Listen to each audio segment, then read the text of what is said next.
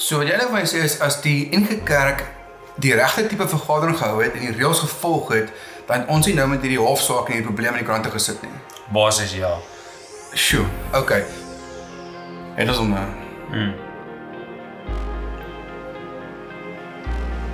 Rekord die ding nou. ja, ek dink ek weet nie hoe om te begin nie. O nee, maar begin van voor af as jy maar net Alright, so Hallo en welkom by ons eerste episode van Wat jy waar kry. se podcast. En ons episode van laas week was net 'n kort inleiding geweest. Ons het vir julle gesê dat ons gaan 'n bietjie gesels oor kerke en hofsaake. So, Ja, dit is eintlik een spesifieke kerk en 'n baie spesifieke hofuitspraak waaroor ons vanaand gaan gesels. Ja, nou dalk nie te veel ge- weggegee het dan is dit nog meer duideliker waar ons gaan gesels. So, okay, so hallo, my naam is Rian. En ek is al nou Ons is net twee manne wat hou van gesels. Ons hou van die woord. Ons is lief vir die woord. Ons is lief vir die Here en ons wil net 'n bietjie gesels oor die dinge wat aangaan in ons land, dinge wat aangaan in hierdie in hierdie wêreld. En vanaand spesifiek gesels ons oor die NG Kerk en die hofuitsprake wat die laaste ruk in die koerante was rondom die hele ehm um, homoseksuele kwessie wat in die kerk mm. uitspeel. So Alnu is 'n jong kandidaat amper heeltemal volwaardige prokureur. Ehm um, het ek dit reg? ja, Pretty much. pretty much ja. okay, en al net die hofuitspraak gebestudeer en hy het nou 'n bietjie meer inligting en toegang tot bietjie meer inligting as ons. So ek wil vanaand 'n bietjie met Andrew gesels. Ag, Andrew. Bietjie met Alnu. Ja. Ja maar, sien kyk al kyk dit in mekaar.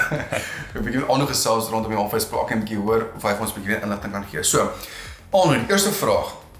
Wat is eintlik die probleem?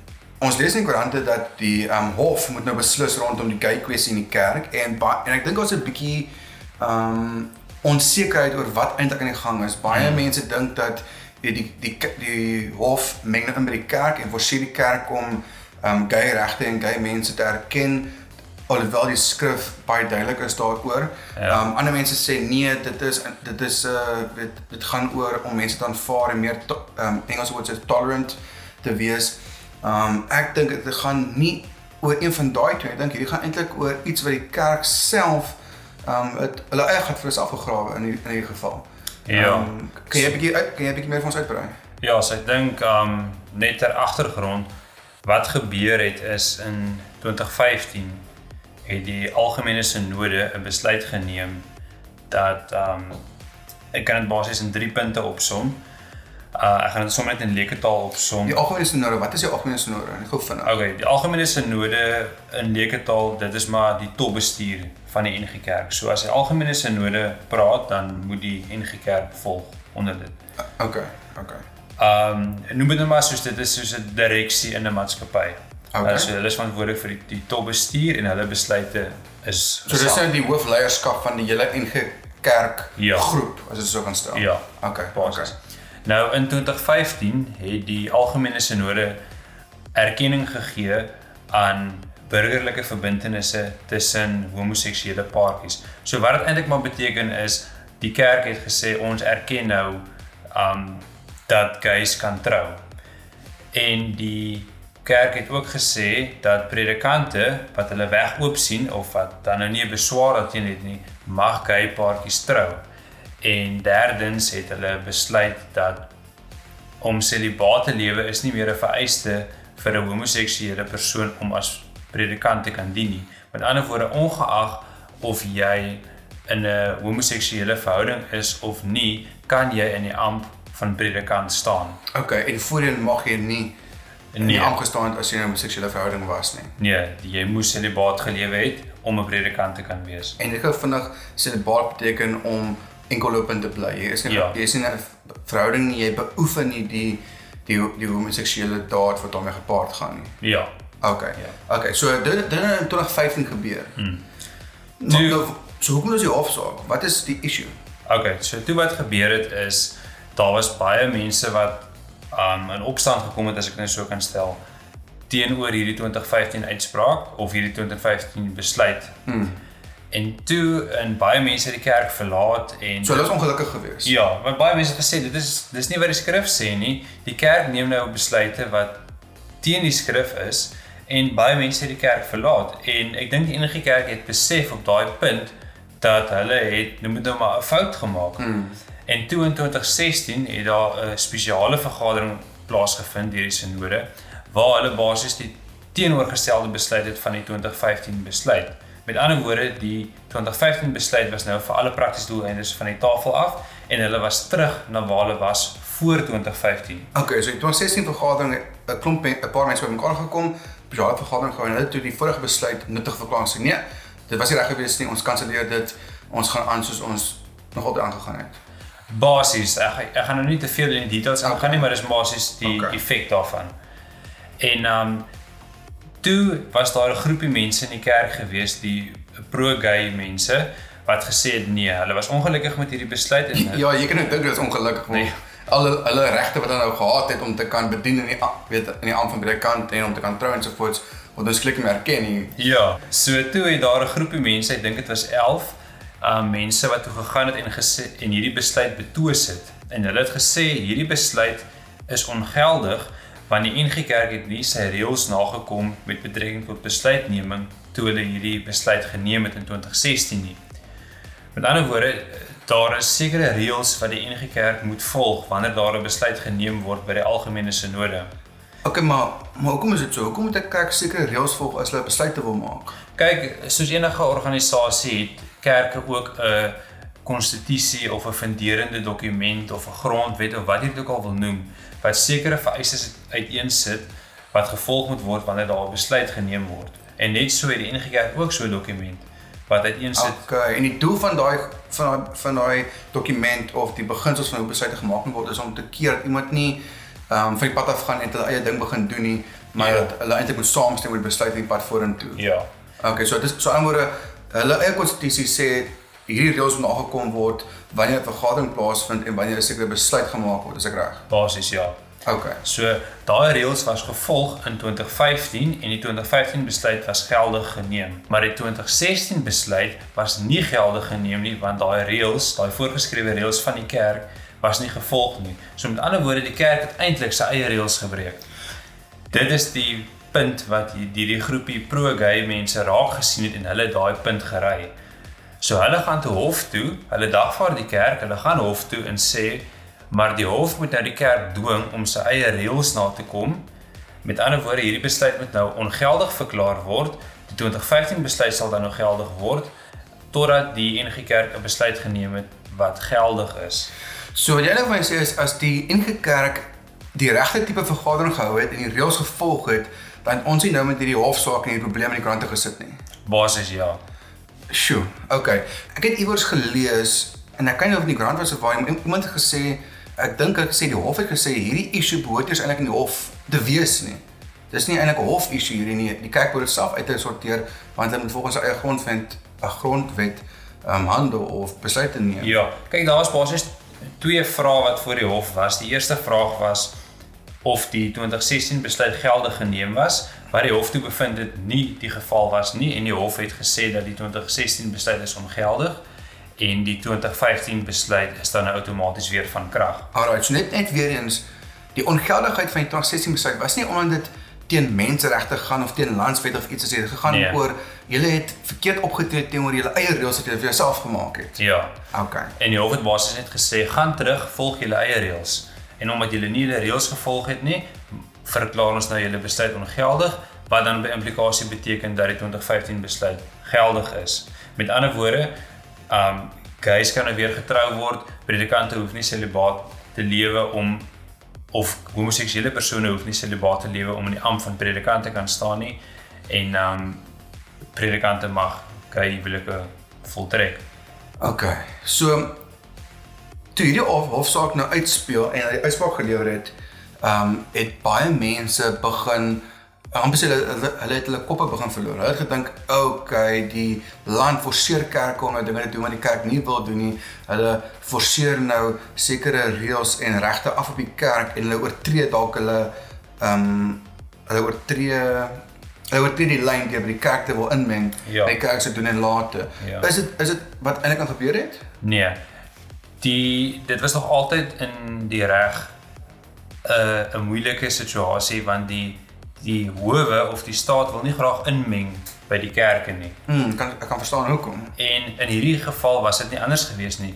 Mense kon duidelik in die uitspraak agterkom dat die regters dit was vir hulle moeilik om hierdie saak te beslis want hulle wil nie te veel inmeng by wat in die kerk aangaan nie want daar moet 'n duidelike skeiding wees. Maar tog, en dit bring my nou by die tweede kwessie wat voor die hof was, daar was vir die hof gevra om te beslis ook oor die substantiëre probleem wat in die kerk is en dit is dat daar word ehm um, gediskrimineer teenoor die minderheid mense of dan nou die gay mense in die kerk se regte. Aan die ander woorde, hulle word ontneem van om in 'n huwelik verbind te kan word of om die ampt van predikant te kan staan. Hmm. En die hof het toe 'n baie interessante stelling gemaak op daai punt. Want ons lees baie keer in die media mense sê, "Ja, maar wat is nou reg en wat is nou verkeerd? Ek het die reg tot godsdienstvryheid, maar daai persoon het nou die reg tot ehm um, vryheid van wat is dit of om nie om dat daar nie op hom gediskrimineer word op grond van geslag of mm. seksuele voorkeur nie. So baie mense sê nou ja, maar wat van my regte en wat van sy regte? Ja, eintlik, jy weet, elke ou het sy eie reg, maar dit die een se reg moet nie eens nou oorskyn nie, maar nie Ja, baie mense dink daar is kompeterende regte en die hof moet nou beslis wie se reg is die sterkste. Ah, okay. Maar die hof sê nee, dit is nie die die doel van die oefening nie, maar die hof sal intree wanneer daar op, op minderheid groepe se regte inbreuk gemaak word. So en ons moet onthou in hierdie geval ons werk hier met lidmate in die NG Kerk. So wat die NG Kerk gedoen het is hulle het gesê almal is lidmate, maar heteroseksuele lidmate kan al die voorregte geniet wat daar in die kerk is, maar as jy homoseksueel is, mag jy nie in die huwelik tree nie en jy mag nie in die ampt van predikant dien nie.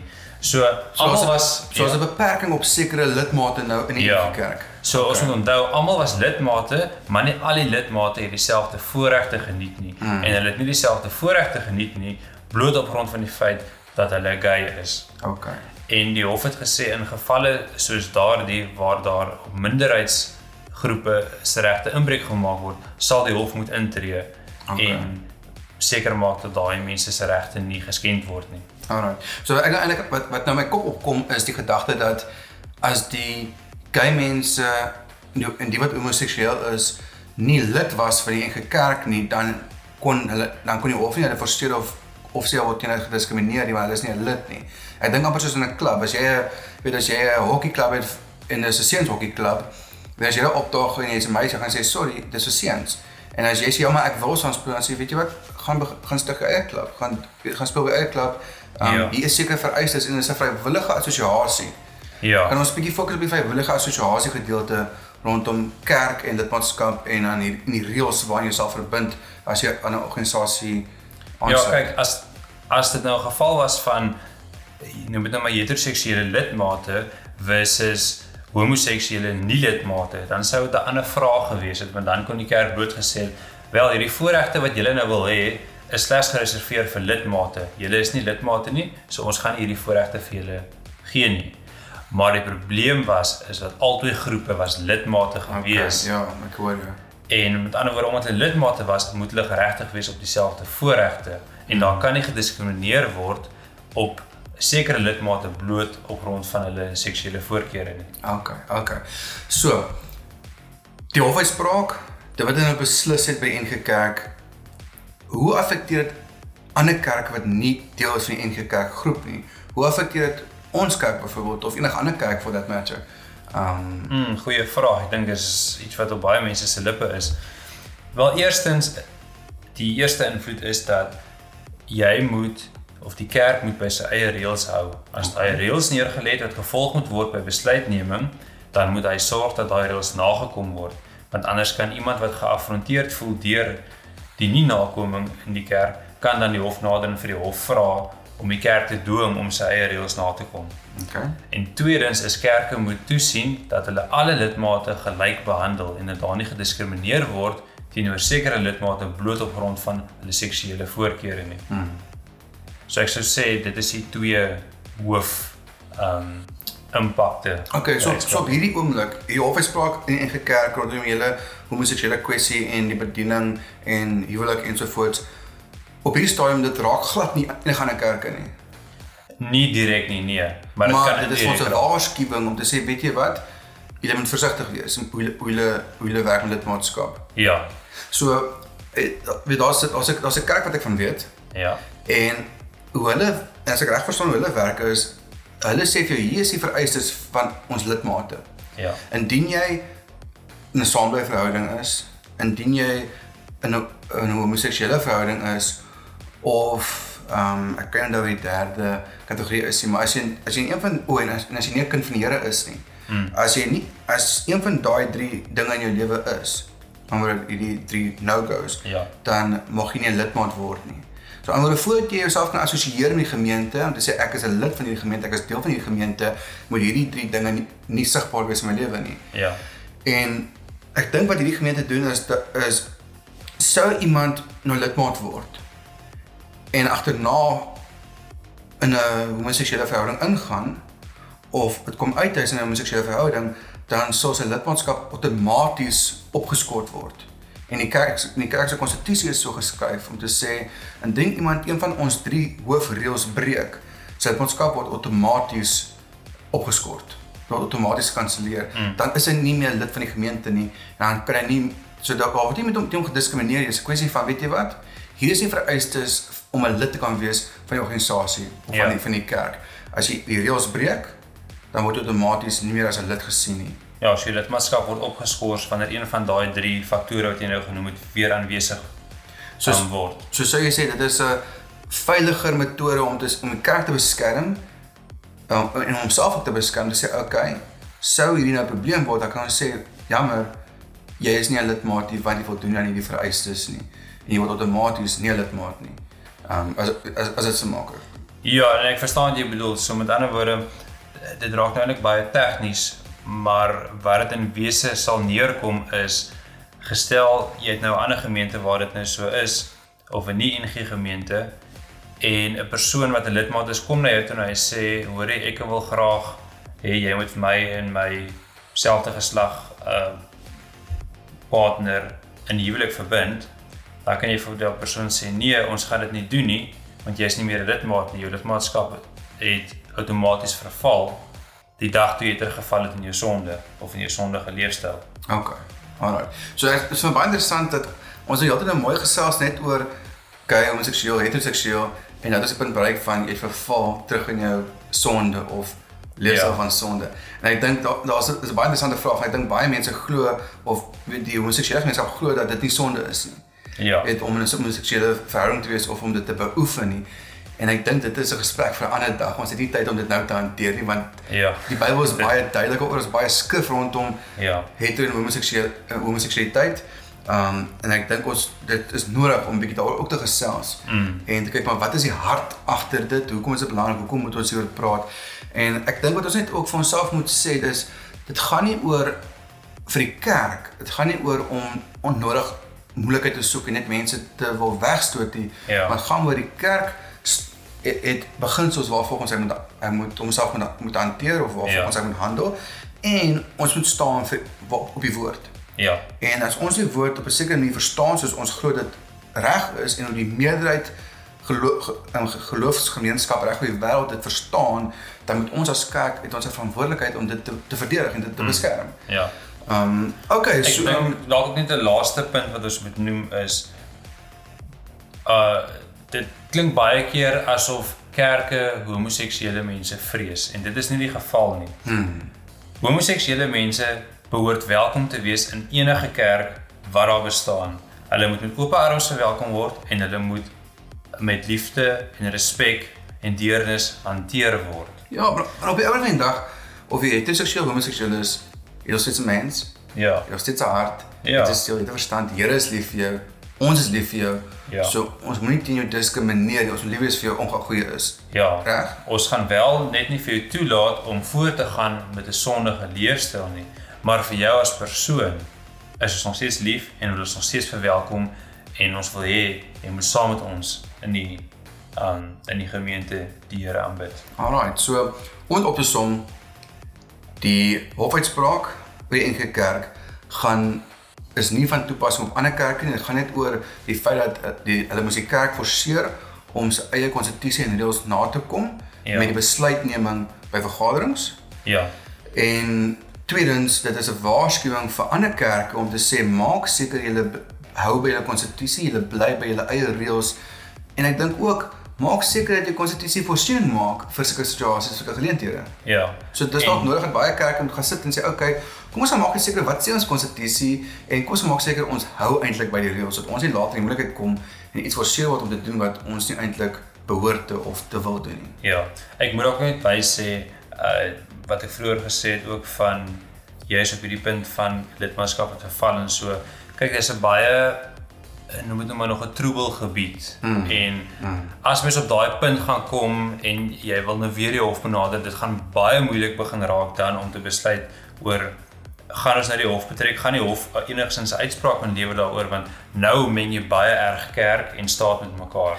Maar dit is ons dis my opinie gegrond op die uitspraak wat ek gelees het. Alright, alright. So op 'n einde van die dag, die kerke behoort nie in die howe nie. Nee, en howe behoort nie in die kerk nie. behoort ook nie in die kerke nie. En ek dink wat dinge net nog meer gekompliseerd maak, feit dat soveel kerke, verskillende kerke het verskillende reëls, verskillende konstitusies, verskillende regulasies vir organisasies. En ongelukkig ver, vereis die regering dat ons ook net weet dokumente en 'n konstitusie ensovoorts moet hê waarvolgens ons Ja. handel. Maar op die einde van die dag ongeag van wat die hof sê, Ja. ongeag van wat ons konstitusies en reëls en mensgemaakte reëls sê, die woord van die Here is die laaste en finale gesag van ons lewens. Ja. En ek dink En ons daarom onderhandel nie met die woord nie. definitief nie. En daarom is dit belangrik ek dink in die, in die volgende iewers in die, iewers in die volgende paar episodes gaan ons juis net 'n bietjie verder aan die kwessie kyk net om seker te maak wat sê die skrif eintlik Ja. en hoekom ehm um, weet is daar hierdie rusie tussen die kerke en die minderheidsgroepe ehm um, rondom die kwessie van homoseksuele huwelike en homoseksuele um, leefstyle. Ja. Ehm um, Ek dink dit is nodig. ja, ek ek, ek, ek dink definitief so. Maar toe, onder ek sê vir jou baie dankie. Dankie Rian. Altyd lekker. Ja, dankie vir jou tyd en vir die moeite en die navorsing wat jy gedoen het. Ek waardeer dit vreeslik baie. Ek hoop dat dit vir ons luisteraars 'n bietjie meer duidelikheid sal gee oor wat eintlik aangaan en dat ons nie op hossel weet op hossel gaan en begin bang word of dink o, genigtig, jy weet die die kerke is nou besig om die regering um, beheer te word en ons kerke verloor stryd of ietsie nee, dis nie waar gaan nie. By 'n van die kerk het nie sy eie reëls nagekom nie en die regering moes intree en sê, "Hey, handel volgens jou eie reëls." Ja. En bandeer jou lidmate Alright. gelyk. Dan is dit oor en uit tot volgende week. Alright. So volgende week gaan ons gesels oor Ons moet nog kyk wat ons oor wil gesels. Daar kan ons hierdie hierdie onderwerp verder vat volgende week. ek ek weet ook eintlik wat ek oor wil gesels. As, as 'n paar goed wat ek op my hart het. Ek wil 'n bietjie gesels rondom ehm um, die kruis van Jesus. Die feit dat Jesus mm. weet het Jesus reg bestaan? Was hy Ja, fisies ja. 'n mens op aarde gewees in tyd en geskiedenis of is dit opgemaak in die Bybel en gestender opgemaak en is maar net 'n storie? Ehm um, dis iets wat ek ook graag wil oor gesels. Ehm um, nog 'n ding wat ek oor wil gesels is die belangrikheid van die kruis en hoekom mm. Hoekom die Bybel so baie fokus op die kruis en die kruis dood van Here Jesus Christus. Ehm um, en ja, daar's 'n paar dinge. Ek het 'n lys van seker 40, 50 onderwerpe waaroor ek wil gesels, maar een stapie 'n slag, hè. Ja. Alright. Vriende, ons weet nog nie waar ons volgende week gaan gesels nie, maar ek hoop dat jy sal ehm um, wat's in tune in Afrikaans? Inskakel. Dat jy se inskakel, dankie. Dat jy se inskakel saam met ons volgende week en lekker saam met ons te luister. Die Here seën. Totsiens. Blessings. Bye. All right.